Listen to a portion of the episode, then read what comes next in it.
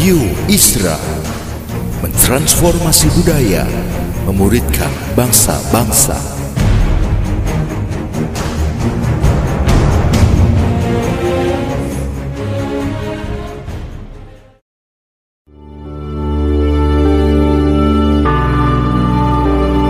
Apostolic Prophetic Messages mengungkapkan pesan dan arahan dari hati Tuhan bagi gerejanya demi menuntaskan mandat kerajaan Allah di Indonesia dan bangsa-bangsa.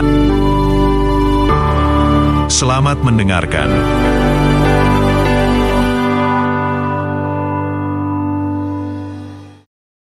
Baik, shalom Bapak Ibu.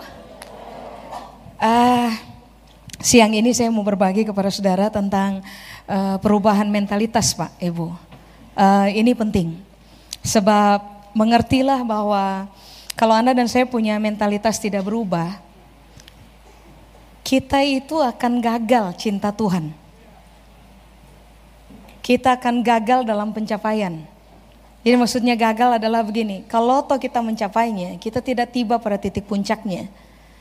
Padahal pencapaian itu hanya disebut sebagai sebuah pencapaian ketika Anda ada Anda dan saya ada pada titik yang di puncak. Nah, makanya kalau ada salah satu hal penting yang harus diubah dalam Anda dan saya itu adalah ini, mentalitas. Nah, orang banyak berpikir bahwa saya baik-baik saja, tapi mengertilah bahwa kalau sampai mentalitas tidak berubah, Anda dan saya sebenarnya sedang ada pada titik berbahaya. Gitu. Nah, mari kita lihat dulu apa arti dari mentalitas. Kalau saudara buka kamus besar bahasa Indonesia, saudara akan menemukan arti dari kata mentalitas adalah ini. Cara berpikir. Kemampuan untuk mengolah pikir dan belajar Masalahnya adalah orang mau punya mental bagus, tapi kita tidak menyoroti cara berpikir kita. Orang mau punya mental bagus, tapi kita miskin dalam pembelajaran. Nah itu nggak bisa. Makanya kenapa mentalitas harus berubah, sebenarnya esensi sederhananya adalah begini. Cara Anda dan saya berpikir, kita harus menyorotinya ulang. Ini berbasic pada kebenaran, Kerangka berpikir yang kita bangun dalam kehidupan kita ini sudah betul atau belum? Atau sedang menggiring kita kepada nanti sudah akan lihat penyimpangan-penyimpangan dalam kehidupan. Sebab ternyata begini kan, what you think is what you act. Apa yang Anda dan saya pikirkan, kerangka yang kita bangun, uh, itu yang akan kita wujudkan dalam sebuah tindakan nyata. Nah, kalau orang juga miskin pembelajaran dalam hidup, nah itu akan menjadi masalah. Karena semua orang yang cara berpikir tidak maksimal, berbasic kepada kebenaran, kerangka berpikir dibangun tidak sesuai dengan kebenaran, lalu cara belajarnya tidak terfokus kepada kebenaran itu sendiri, nanti yang terjadi adalah Anda dan saya akan menyimpang dari kebenaran. Sometimes kita pikir kita ada dalam kebenaran. Tapi kalau Anda dan saya tidak mencermati ulang apa yang kita pikirkan terbanyak, apa yang kita pelajari terbanyak dalam kita punya hidup, lalu mengkaitkannya dengan landasan e, kebenaran di dalamnya, maka biasanya sadar tidak sadar kita sedang menyimpang itu. Nah itu tidak boleh. Saya kalau Anda dan saya menyimpang, waktu lama, pencapaian akan lama. Nah mari kita lihat dulu, kalau ada perubahan mental terjadi dalam hidupnya kita, apa saja yang harus kita mulai supaya mental berubah? Nah hal yang pertama, Tadi pagi saya membahasnya. Dan saya harus berani menyelesaikan masa lampau. So, kalau Anda dan saya tidak berani untuk membiarkan begini. Boroknya kita disentuh ulang. Kemudian diselesaikan. Anda dan saya tidak akan pernah selesai. Semua orang yang tidak berdamai dengan masa lampau, cara berpikirnya pasti akan cepat atau lambat akan bersinggungan dengan kebenaran lalu menolak kebenaran. Semua orang yang tidak menyelesaikan masa lampau yang terjadi adalah begini. Perilaku kita akan dimotori oleh pengalaman masa lampau dan bukan kebenaran yang Tuhan wahyukan buat kita hari ini. Ya. Saya seperti yang Saudara tahu, saya ada yayasan di Surabaya saya bikin sekolah khusus untuk anak-anak Indonesia Timur, standar internasional uh, for free. Jadi anak Papua, Maluku dan NTT. Nah, mereka belajar. Kurikulumnya uh, saya beli buku-buku dari luar, Brisbane, Australia, lalu mereka belajar.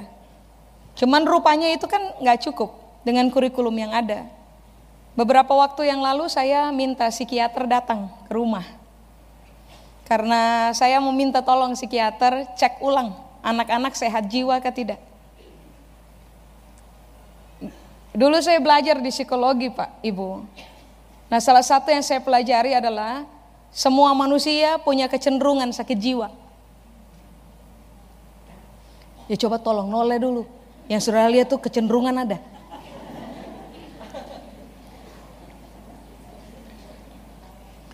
Kita akan mengalami gangguan kejiwaan, ternyata dimotori dari itu. Apa yang terbanyak kita pikirkan, apa yang terbanyak kita pelajari. Kalau yang controlling kita itu masa lampau, uh, hari ini Anda dan saya akan menjadi iritasi bagi orang lain. Kehadiran kita akan menjadi seperti duri dalam daging bagi orang lain. Makanya untuk bisa berubah secara mental, cara berpikir, cara belajar, kelakuan menjadi konsisten dalam kualitas kebenaran, selesaikan masa lampau. Nah, dengan psikiater ini uh, orang pintar Pak, Ibu, uh, perempuan, dokter Tuti namanya, lakukan penelitian 40 tahun terakhir tentang isu ini bahwa ada kategorial orang yang mengalami kecenderungan e, sakit jiwa. Saya baca tapi jangan rasa bersalah kalau saudara masuk dalam kategori itu. 40 tahun penelitian. Jadi bilang begini, saya catat Pak Ibu. Orang yang memiliki resiko tinggi mengalami gangguan kejiwaan yang bersentuhan erat dengan kemampuan berpikir atau kemampuan belajar. Tipe yang pertama adalah ini Pak, Ibu. Anak pertama. Yang anak pertama jangan angkat tangan. Bikin malu. Anak pertama punya kecenderungan mengalami gangguan mentalitas. Gangguan kejiwaan. Cara berpikir, dan cara menelaah pembelajaran dalam hidup. Nah, yang kedua, anak tunggal. So, mulai tandang-tandang kaki di bawah. Yang ketiga, anak bungsu. Yang biasa ketemu panggil bongso tuh, ah itu tuh. Yang keempat, anak laki-laki satu-satunya. Yang kelima, anak perempuan satu-satunya. Jadi anak banyak tapi ada perempuan satu-satunya. Anak banyak ada laki-laki satu-satunya. Sudah? Anak paling pandai dalam rumah. Oh itu beta sudah, itu beta sudah. Gak apa-apa kalau mau ngaku, gak apa-apa. Terus, anak paling cantik atau paling ganteng dalam rumah? Saya yang salah, beta sudah. Sudah? Anak yang sejak kecil sakit-sakitan. Sembilan, anak mahal. Dapat ini anak susah. Jadi mahal. Nah yang terakhir, anak yang sejak kecil diasuh bukan oleh orang tuanya. Oleh opa, oma, om, Tante? Nah itu. Ah, saudara masuk dalam kategori mana? Jangan mengaku bikin malu. Dalam hati saya. Nah, 10 ini dipelajari 40 tahun terakhir. Nah, kategori ini bukan berarti kita semua begitu, tidak, tidak. Kategori ini ternyata begini, punya kecenderungan membangun kerangka berpikir yang tidak tepat punya kecenderungan untuk begini, uh, mempelajari hal-hal yang sebenarnya nggak esensial dalam hidup. Orientasi bukan kepada inti, orientasi kepada aksesoris. Nah itu berpengaruh kepada uh, ini berubahnya mentalitas, uh, masalah dalam persoalan mentalitas. Makanya uh, ini yang kemudian itu dokter kasih tahu buat saya. 10 kategori ini rata-rata bermasalah. Alasan paling pertama adalah karena mereka tidak pernah selesaikan masa lampau. Pahitnya masa lampau itu tidak pernah selesai. Dibawa sampai sekarang sehingga cara berpikir tuh udah nyimpang. Keputusan yang diambil, pilihan yang diambil, pembelajarannya pun tidak fokus kepada intisari yang seharusnya menggiring kita kepada pertumbuhan menjadi dewasa dan konsisten dalam pembelajaran uh, kehidupan. Makanya ini yang perlu kita uh, cermati Pak Ibu. Saudara sedang hidup hari ini, masa lampau apa yang saudara sedang pikul sekarang? Nah itu selesaikan. So itu akan sangat mengganggu. Kita punya penilaian terhadap semua hal yang diperhadapkan di kita punya mata. Contoh, orang yang diperlakukan tidak adil di masa lampau, yang kemudian pahit tentang perlakuan-perlakuan tidak adil di masa lampau. Nah biasanya kalau kisah itu nggak diselesaikan hari ini, orang itu punya cara menilai, pasti begini, berat sebelah Perlakuan yang kemudian dia ekspresikan dalam tindakan adalah perlakuan-perlakuan tidak adil, sekalipun dari cara dia berpikir, itu adalah sebuah keadilan. Makanya, tahukah saudara, cara Yesus angkat orang, yang kemudian Yesus tahu betul, ini orang akan menjadi sangat efektif di masa depan. Salah satu cara yang Yesus bikin adalah sembuhkan orang pemasa lampau. Sentuh sisi masa lampau, dan kasih dia encouragement untuk harapan di masa depan. Ah, perubahan terjadi. Saya kasih contoh Pak Ibu. Yohanes pasal 21. Ayat 7, ayat 15 sampai ayat 19. Makanya kalau boleh, kalau boleh Pak Ibu, pulanglah dan berpikir ulang. Hmm, saya belum selesai di mana? Kalau saudara tidak menyele bisa menyelesaikannya seorang diri, datanglah kepada orang-orang yang saudara bisa percaya, yang tidak bocor mulut, yang dewasa. Nah, selesaikan bersama-sama. Sebab begini, tadi saya bilang dari awal, orang yang mentalitasnya nggak berubah, yang mengalami sakit di dalam cara berpikir dan cara belajar, biasanya yang terjadi adalah ngaku cinta Tuhan, mereka tidak akan cinta Tuhan dengan efektif. Bisa mencapai sesuatu dalam hidup, tapi tidak mencapainya sampai kepada titik puncak. Selalu akan ada kendala dalam kita punya hidup. Makanya cara Yesus kerja adalah selesaikan masa lampau. Yohanes pasal 21 ayat 7 lalu lompat ayat 15 sampai dengan ayat 19. 7. Maka murid yang dikasihi Yesus itu berkata kepada Petrus, "Itu Tuhan."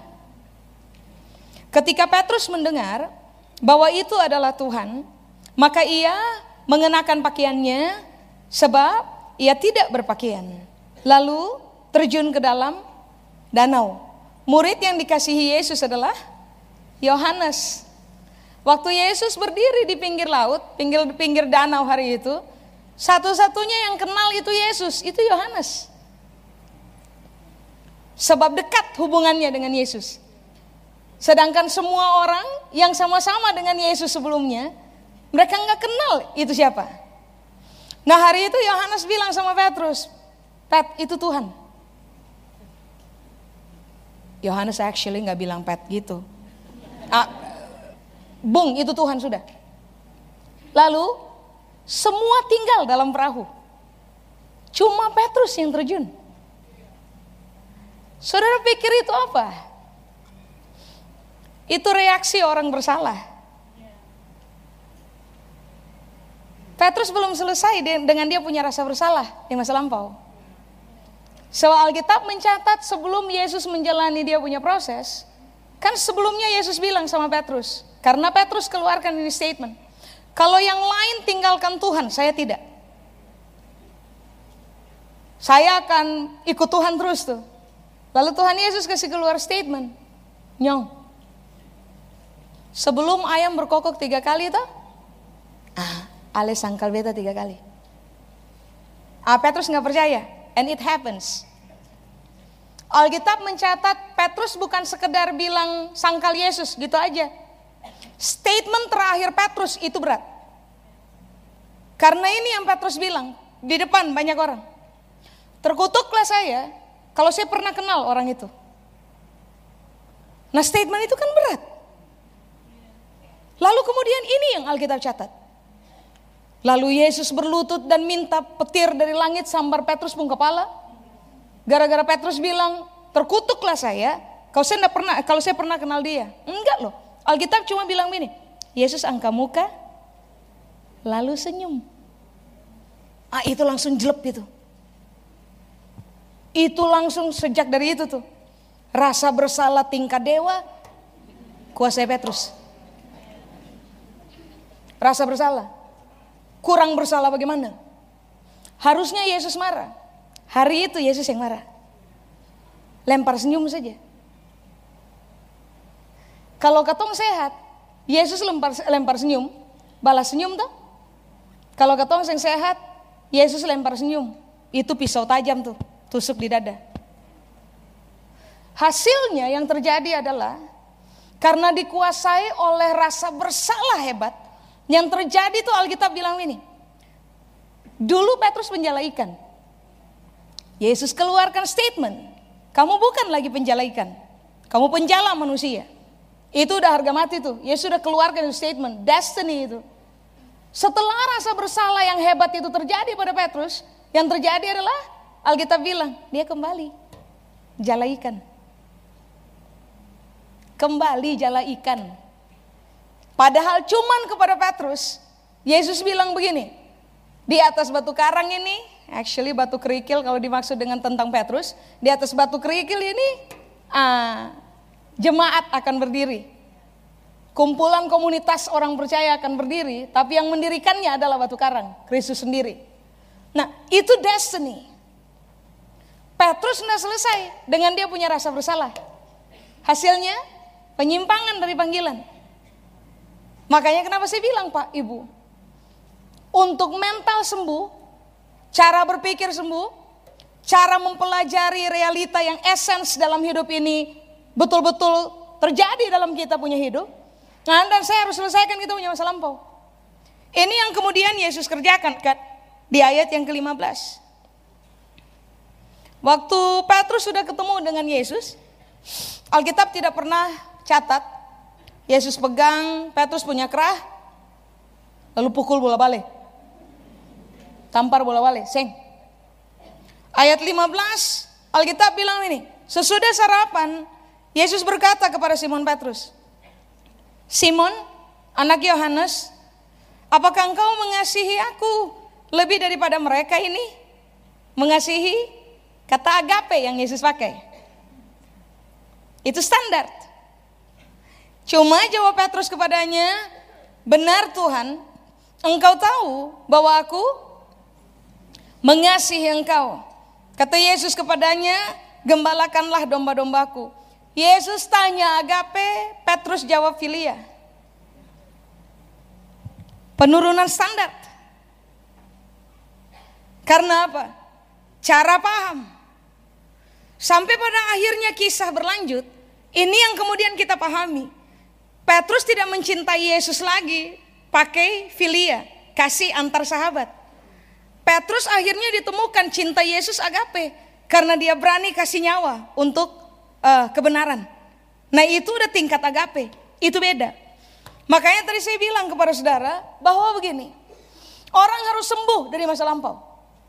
Baru mereka bisa cinta Tuhan pada kering, uh, bisa cinta Tuhan karena cara berpikir betul, cara belajar betul. Kalau orang cara berpikir tidak betul, cara belajar tidak betul, kita suka bereaksi salah, bahkan kepada pertanyaan yang diajukan kepada kita. Yang sometimes tanpa maksud. Tapi karena cara berpikir salah, cara belajar salah, kita akhirnya memutuskan bahwa pertanyaan itu adalah pertanyaan yang mencelakakan saya. Reaksi beda. Makanya ini yang kemudian Yesus selesaikan pada Petrus kan. Yesus nggak eh, nggak mempermasalahkan. Saya tanya agape, kenapa kamu jawab uh, filia? Tidak. Yesus memahami realita Petrus. Yesus memahami bahwa somehow Petrus harus dibebaskan dulu dari rasa bersalah. Bagaimana cara bebaskan Petrus dari rasa bersalah? Ini yang Yesus bilang, gembalakan saya punya domba. Trust.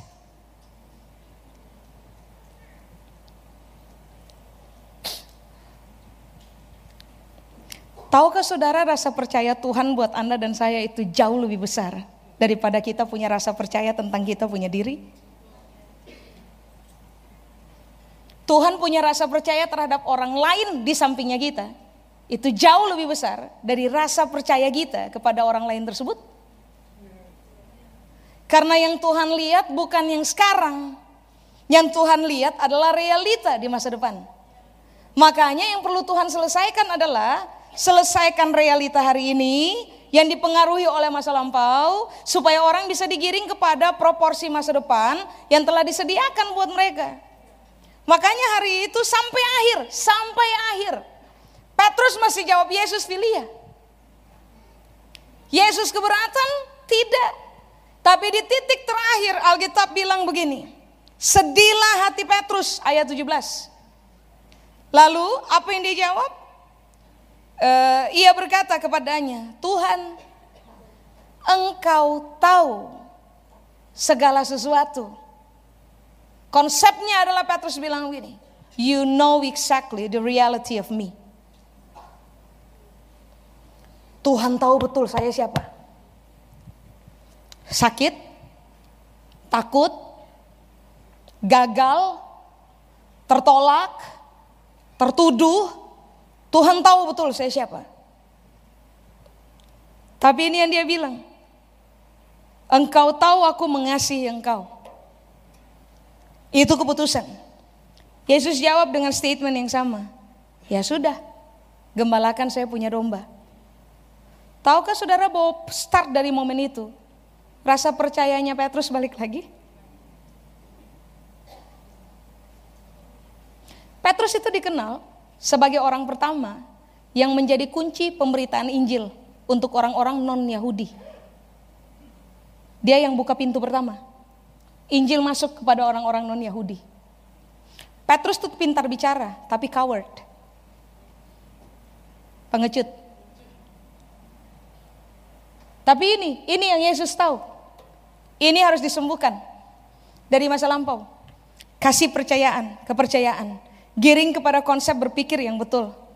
Bahwa segagal-gagalnya kamu, kamu tetap punya masa depan. I'll stand with you anyway. Gembalakan saya punya domba. Serah harus ingat, apakah langsung kemudian Petrus berubah? Tidak. Sebab ini yang Paulus catat. Petrus itu mengundurkan diri.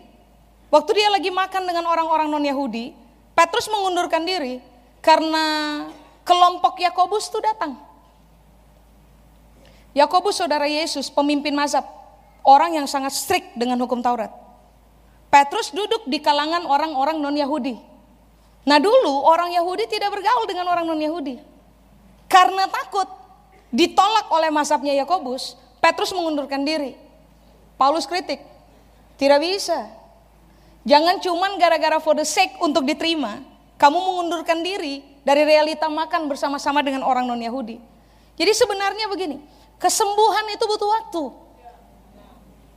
Asal ini yang kita pahami. Bahwa Tuhan berkuasa menyembuhkan kita punya masa lampau. Tapi kita pun harus dengan jujur belajar untuk menyelesaikannya dari sisi kita. Saat Tuhan berkuasa sembuhkan siapa saja. Tapi kalau Anda dan saya tidak mau belajar untuk mengejar perubahan, kita tidak mungkin berubah. Cara berpikir kita nggak berubah, cara belajar kita nggak berubah. Tadi saya bilang, Petrus mengalami perubahan, iya. Pencapaiannya sampai pada titik inti. Kualitas cinta Tuhan berubah dari filia langsung kepada agape. Dari orang yang pengecut, itu berubah tuh menjadi orang yang sangat berani. Untuk Tuhan berani mati. Semua pengecut bisa berkata, ini aku utus dia. Petrus tidak. Ini aku, mati pun aku siap. Karena apa? Penyelesaian masa lampau. Yesus tidak hakimi Petrus punya masa lampau. Yesus tidak besar-besarkan realita yang dikerjakan oleh Petrus kepada Yesus. Tapi Yesus kasih kepercayaan baru dan pertontonkan masa depan kepada Petrus. Sambil memberi waktu kepada Petrus untuk belajar dan mengejar perubahan. Nah kendala dari kita selalu ini Pak Ibu. Tuhan kasih kesempatan. Orang lain kasih kesempatan. Tapi kita tidak mau belajar. Itu kendalanya kita. Kita rasa kita baik-baik saja. Kita rasa tidak ada yang salah dengan kita. Nah menurut saya salah satu hal penting sekarang yang harus kita putuskan untuk kerjakan adalah cross check ulang. Redefinisi ulang. Apa yang saudara yakini tentang saudara. Jangan-jangan saudara merasa kita ini baik-baik saja. Sedangkan orang di samping kita ini lagi minta-minta mau mati saja karena tidak kuat berhadapan dengan kita. Nah itu kita harus review ulang. Makanya orang dengan pencapaian maksimal selalu dimotori dengan realita begini. Masa lampau sehat. Eh sembuh. Kita sembuh, sembuh dengan perlakuan masa lampau. Dengan tekanan masa lampau. Dengan realita masa lampau. Kita selesai. Kalau saudara dan saya putuskan selesai. Yang akan menjadi fokus dalam hidupnya kita adalah mengejar perubahan. Kualitas perubahan yang terjadi one day at a time akan membuat Anda dan saya menjadi semakin maksimal. Berubah dalam cara berpikir dan dalam cara belajar mencermati hidup. Amin. Ah, itu yang pertama. Yang kedua, apa yang harus terjadi supaya Anda dan saya mengalami perubahan mentalitas? Somehow Tuhan mau kita capai maksimal. Tahukah saudara bahwa roh yang Tuhan kasih kepada kita itu roh luar biasa. Yang tidak pernah didesain kasih buat kita supaya kita jadi biasa. Roh yang Tuhan kasih kepada kita itu adalah roh yang ternyata begini berkekuatan untuk menuntun kita kepada permainan di atas rata-rata. Saya sudah baca kitab Daniel pasal awal. Alkitab bilang Daniel memiliki roh yang luar biasa. Ya, Bahasa Inggrisnya menggunakan kata excellent spirit. Bahasa Aramnya menggunakan kata yatir ruah. Yatir ruah itu artinya begini, mental di atas rata-rata. Cara berpikir di atas rata-rata. Moral di atas rata-rata kemampuan untuk manage segala sesuatu di atas rata-rata, keberanian di atas rata-rata. Jadi dengarkan ini baik, setiap kali Tuhan hadir dalam hidup kita, Tuhan memper, mem, mengaru, mengkaruniakan rohnya buat Anda dan saya, seharusnya begini, pencapaiannya kita maksimal. Enggak ada standar rata-rata dalam kerajaan Allah, saudara harus ingat itu baik. Dalam kerajaan Allah, permainannya selalu begini, di atas rata-rata. Makanya kalau cinta Tuhannya kita rata-rata, ah, pertanyakan ulang. Kalau pencapaiannya kita rata-rata, pertanyakan ulang. Kalau prestasinya kita rata-rata, pertanyakan ulang. Kalau cara kita bereaksi adalah rata-rata, pertanyakan ulang. Saudara harus ingat, yang rata-rata belum tentu betul. Cek ulang. Sebab begini, kita harus jadi seperti yang Tuhan desain. Tapi yang pertama selesai cara selesai uh, pengalaman masa lampau yang pahit. Nah, yang kedua, cara berpikirnya yang harus diperbaharui. Tadi pagi saya bilang, tahukah saudara bahwa agama bikin orang bodoh?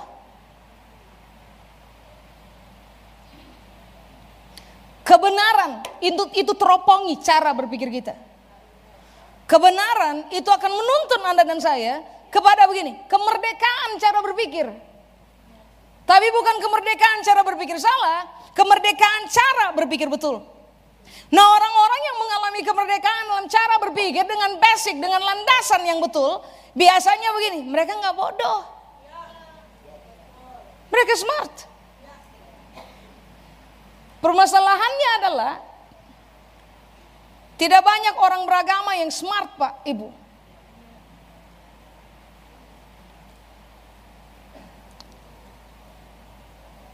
Kita harus membiarkan kebenaran meropongi cara berpikir kita. Secara berpikir smart akan membuat Anda dan saya membuat pilihan-pilihan benar yang smart dan keputusan-keputusan yang smart. Makanya ini yang Alkitab ajar.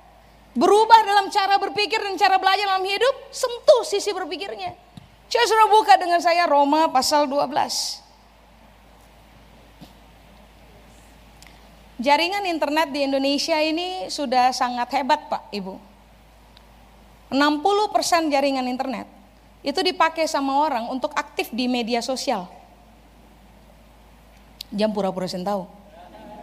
Facebook, Instagram, Path, uh, itu sudah. Itu sudah, akan akan mau cerita itu sudah. Lebih dari 60 persen. Pulsa habis itu cuman for itu saja media sosial, media sosial.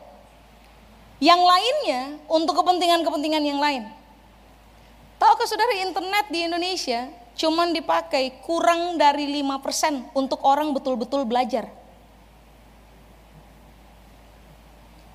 Mau berharap mental bagus bagaimana? Kalau kita tidak mau belajar. Mau berharap mental bagus bagaimana? Kalau kalau ilmu tidak kita biarkan teropongi cara berpikirnya kita. Makanya sudah baca kitab Daniel. Alkitab bilang Daniel itu bukan sekedar punya roh ya, yang uh, luar biasa, excellent spirit. Ini laki-laki, Sadrah, Mesa dan Abednego, pembelajar tulen. Hidup dan belajar. Makanya pendekatannya mereka beda. Cara berpikirnya beda. Pilihan yang dibikin, keputusan yang dibikin itu beda. Kenapa? Cara berpikir beda. Nah kalau mau cara berpikir beda, ini yang saudara dan saya harus mulai bangun dalam kita punya hidup. Baca banyak, belajar banyak.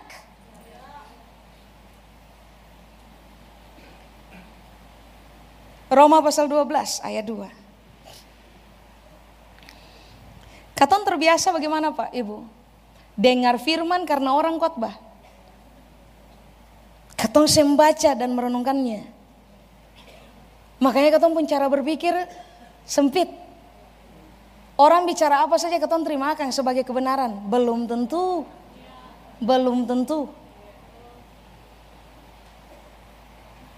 Roma 12 ayat 2. Janganlah kamu menjadi serupa dengan dunia ini. Alkitab pakai kata uh, sisematiso. Sisematiso. Sisematiso adalah jangan menyetujui fashion dunia. Cara berpikirnya. Berarti cara berpikir apa yang harus kita setujui? Tidak ada cara lain. Kita lahir dari kebenaran. Cara berpikir benarlah yang harus kita setujui. Ya? Janganlah kamu menjadi serupa dengan dunia ini tetapi berubahlah oleh pembaruan budimu, transform, alami transfigurasi. Kemarin kertas, sekarang botol. Kemarin marah, tidak bisa kendali emosi. Berubahlah itu artinya begini. Sekarang jago kendali emosi jago banget. Kenapa bisa begitu? Berubah 180 derajat karena perubahan yang kita maksud bukan berubah 90 derajat, berubah 180 derajat, putar balik. Kemarin di kiri, sekarang di kanan. Transfigurasi, Alkitab pakai kata itu. Nah, e, berubahlah oleh apa? Oleh pembaharuan budimu, cara berpikir, renovasi. Sistem renovasi sesederhana ini Pak Ibu. Yang nggak bagus dilihat kita lepas, kita buang. Kita nggak pakai lagi. Nah sekarang ini yang perlu kita kerjakan supaya kita punya mental bagus. Cara berpikir bagus, terbiasa belajar dan menjadi cerdas tentang hidup bagus. Nah ini yang harus kita buat. Cek ulang, paling banyak yang sudah renungkan dalam hidup apa? Kejahatan, pembalasan dendam, kemarahan, uh, apa lagi, you name it. Nah yang kayak gitu-gitu tuh Alkitab bilang ini, renovasi itu tidak penting untuk bangun kita punya kualitas manusia. Buang yang tidak penting, kasih masuk semua hal yang penting. Yang kita tahu kalau terbanyak kita merenungkannya, kita akan jadi tajam dalam persoalan memilih, memutuskan, bersikap, berkelakuan, bereaksi. So kalau itu tidak terjadi, Pak, Ibu, Mari saya ulang, kita tidak akan maksimal jadi manusia. Kristus tebus kita bukan cuma untuk kita selamat. Kristus tebus kita supaya kita kembali menjadi manusia seperti standar dari kerajaan Allah. Sesimpel itu, makanya harus dimulai dari cara berpikir. Cara berpikir salah, hidup yang saudara saya bangun pasti salah. Cara berpikir betul, benar, itu akan bikin kita menjadi orang-orang yang berkualitas dalam cara berpikir tentu saja. Nah makanya kenapa kita bilang ini, kalau kamu punya cara berpikir itu sudah mengalami perubahan, yang terjadi adalah kamu bisa membedakan Mana kehendak Allah?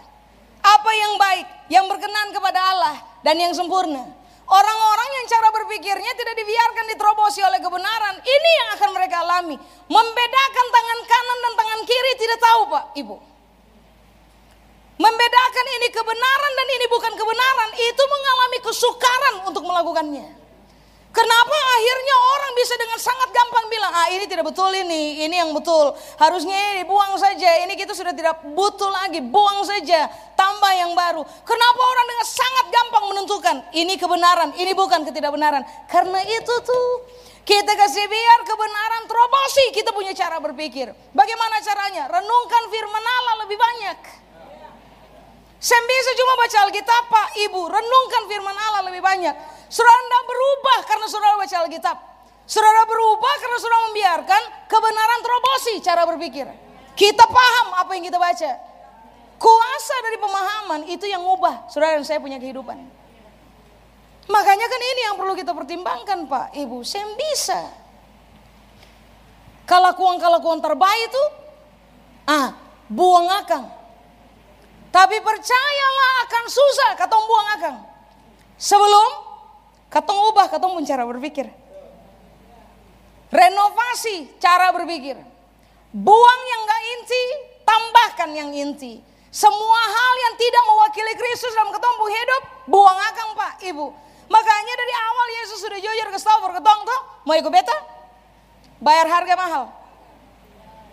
Karena untuk berubah hidup, pertempuran paling hebat yang Anda dan saya harus fight setiap hari di dalamnya adalah cara berpikir. Dan untuk itu, itu kuras air mata. Kuras jiwa itu. Karena di satu sisi ketong maunya begini. Di satu sisi kebenaran maunya begini. Nah itu kontra. Tapi kalau Anda dan saya memenangkan kebenaran yang akhirnya berubah menjadi ketong punya keyakinan, sudah lihat saja. Saya usah tunggu malaikat datang berdoa tumpang tangan supaya ketong berubah. Ketong berubah Pak, Ibu. Ketong berubah sudah. Amin. Tapi cara berpikir harus diterobosi. Saya bisa. Ada banyak tahu ayat, tapi kelakuan saya berubah. Ada banyak terlibat pelayanan, tapi tetap jadi duri dalam daging buat hidupnya orang lain. Kenapa? Sudah pikir kenapa coba? Itu tadi. Masa lampau tidak selesai, cara berpikir tidak direnovasi sampai mengalami transfigurasi, perubahan bentuk sama sekali. Amin. Terakhir Pak, Ibu. Mau punya mental bagus, cara berpikir bagus, kelakuan pasti bagus. Belajar hal-hal inti dalam hidup, saudara punya pencapaian pasti inti. Mau alami itu, ah, coba saudara lihat dengan saya Mazmur 111 ayat 10.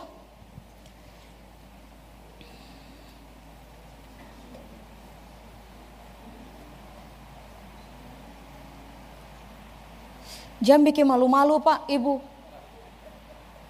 Mengaku Kristen tapi kelakuan terbaik. Jangan bikin malu-malu. Berubah, saya bisa. Mengaku ikut Yesus, tapi kelakuan terbaik. Saya bisa. Berubah, cara berpikir. Pembelajaran dalam hidup, fokus belajar. Katong harus berubah. Saya kalau katong berubah, sudah tentang orang lain di sekeliling ketong berubah atau tidak, it doesn't matter, right? Itu bukan masalah. Isu inti itu ketong yang berubah. Sudah? Mazmur 111 ayat 10. Permulaan hikmat adalah takut akan Tuhan. Semua orang yang melakukannya, Alkitab bilang apa? Berakal budi baik. Jadi Cara berpikir kalau betul, orang pasti takut Tuhan. Kalau cara berpikir tidak betul, orang mengaku takut Tuhan bisa. Tapi dong pasti saya takut Tuhan. Karena Alkitab bilang permulaan hikmat itu takut Tuhan. Semua orang yang melakukannya berakal budi yang baik. Puji-pujian kepadanya tetap untuk selamanya. Selama mau punya mental bagus, start dengan keputusan ini. Takut Tuhan. Saya bisa bicara kebenaran, tapi tidak takluk terhadap kebenaran. Saya bisa. Katong bicara kebenaran karena katong pun posisi takluk kepada kebenaran. Itu beda. Takut Tuhan Alkitab di situ perjanjian lama menggunakan kata iye, iera. Iera kalau saya boleh baca begitu. I Y R A. Iera. Iera itu artinya begini. Saking terbiasanya melihat hebatnya Tuhan. Kita tuh jadi hormat sama Tuhan. Dan segan sentuh kejahatan. Gitu. Ya takut Tuhan bukan karena takut dihukum. Takut Tuhan tuh karena lihat Tuhan begitu hebatnya. Sampai ketun takjub. Sangat mengagumi. Sampai ketong segan. Nah semua orang yang takut Tuhan, akal budi pasti bagus. Karena begini tuh, katong selalu timbang tentang realita Tuhan yang katong hormati. Kalau yang katong timbang adalah Tuhan yang katong hormati Pak, Ibu. Mari saya ulang. Katong pun pilihan. Sebelum katong bikin pilihan, katong timbangkan tujuh ribu kali. Sebelum keluarkan kalimat, katong timbangkan tujuh ribu kali. Timbang dengan betul. Karena apa? Segan kalau ngomong salah. Ada Tuhan di sini. Pribadi terhormat tuh ada di sini. Kita tuh harus sangat takut Tuhan artinya segan ngomong ngawur. Ngomong tidak betul itu segan, takut Tuhan, segan. Berkelakuan tidak betul itu harusnya kita segan melakukannya. Kenapa? Yang kita hormati ada di sini. Antua dengar yang ketum bicara, antua lihat yang ketum bikin. Makanya kenapa Alkitab bilang ini, orang yang takut Tuhan tuh berhikmat. Dompong akal budi baik. Dompong cara berpikir bagus. Cara dong membuat pilihan atau keputusan itu pasti jago. Tuhan dong pun cara belajar beda. Orientasi adalah begini, belajar sampai jadi seperti yang Tuhan mau dong jadi. Karena begini, saudara hanya akan menjadi seperti yang saudara hormati kan. Makanya ini yang perlu kita bangun. Belajar hebat, cara berpikir hebat, putuskan takut Tuhan. So ternyata Alkitab bilang begini, semua orang yang takut Tuhan itu punya hikmat. Kata hikmat Pak, Ibu di situ, itu diambil dari kata hakema. Hakema tuh punya salah satu pengertian yang pertama adalah begini, skillful. Semua orang yang takut Tuhan, Tuhan kasih hikmat. Tahukah saudara semakin saudara segan berkata-kata karena ada Tuhan di sini. Saudara segan berperilaku buruk karena ada Tuhan di sini. Tahukah saudara, yang Tuhan akan kasih buat kita kemampuan untuk menjadi ahli pada bidang apa pun yang saudara sedang geluti sekarang. Skillful, hikmat punya arti begini, wise, bijak, hakema. Makanya tadi saya bilang Pak Ibu, semua orang yang takut Tuhan dapat hikmat. Artinya, dong pun cara pilih subeda. Dong pun pertimbangan subeda. Karena semua orang yang takut Tuhan itu dapat itu tuh. Tuhan kasih kebijaksanaan. Kata saya bereaksi cepat. Karena yang akan ketemu bikin adalah berpikir lebih cepat. Orang tanpa hikmat biasanya reaksi lebih cepat daripada berpikir. Tampak pintar padahal saya tahu apa-apa. Nah orang berhikmat biasanya begini, pikir cepat, reaksi tahan. Dapat kesimpulan, baru ketemu bereaksi. Hakimah itu ternyata juga punya arti begini Pak, Ibu. Sukses. Tapi saya sudah bilang dari awal kepada saudara. Semua orang yang mental bagus, dompung pencapaian sampai di bagian paling puncak. So sukses di sini bukan sukses tengah. Kata sukses di sini hakema itu pencapaian paling tinggi. Makanya Sesederhana ini Pak, Ibu. Cek ulang. Kita ini di drive oleh cara berpikir yang bagaimana. Dua, apa yang kita fokus mempelajarinya dalam hidup. Sebab kalau kita bisa jawab itu pertanyaan, kita akan tahu kita ada di posisi mana. Mental sehat kah tidak? Cara berpikir sehat kah tidak? Pembelajaran yang ketemu pilih untuk mempelajarinya adalah pembelajaran sehat atau tidak? Acek ulang. Karena dalam hakikatnya, intinya, sejatinya kita, kita itu tidak dipindahkan dari kegelapan kepada terang untuk jadi batu sandungan buat orang lain. Kita itu dipindahkan dari kegelapan kepada terang untuk jadi batu sentuhan. Orang sentuh kita dan mereka terbangun menjadi solid. Cek ulang. Sesederhana ini. Beta pun kalakuan terbaik keseng. Kalau memang terbaik, berarti beta, memang harus putuskan untuk begini tak? Ubah cara berpikir. Ganti fokus belajar. Fokus belajar ganti. Hal-hal yang tidak membangun manusia buang. Fokus sekarang jadi manusia. Ekspresi dari realita jadi manusia adalah kualitas Kristus. Yang sampai di situ mental sakit. Jadi harus belajar. Amin. Sudah. Begitu saja memang. Saya suruh selesai. Tapi kita punya kesimpulan apa hari ini Pak, Ibu? Saya bisa cara berpikir salah, jam pelihara. Pembelajaran salah, jam pelihara. Supaya kalau katon cinta Tuhan, cinta Tuhan habis-habis. Kalau katon mau capai apa saja dalam hidup, katon capai sampai di puncak. Iya, katon dapat hikmat, jadi orang bijak, bijak betul-betul. Lalu kepada apa pun yang katon kerjakan, Tuhan itu tambah-tambahkan kemampuan untuk menjadi orang yang skillful di area itu. Sehingga surah akan jadi orang lebih hebat dari hari ini. Itu pasti. Makanya mental ubah. Tuhan kasih fasilitas. Kita cuma bisa berubah kalau kita yang putuskan. Sudah, akan betul-betul selesai sudah. Mari bangkit berdiri. Atau berdoa juga.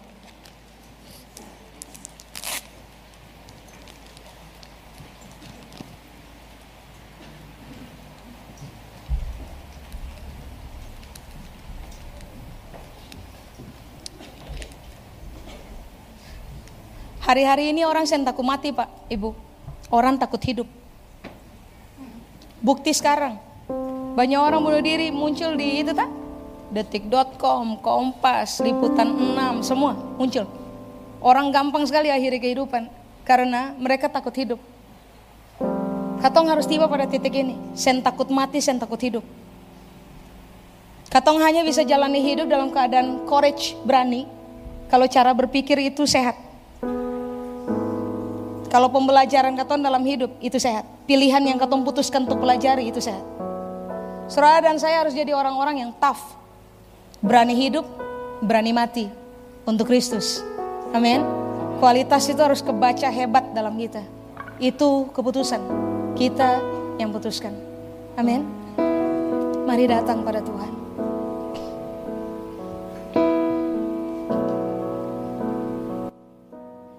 Yesus kau kebenaran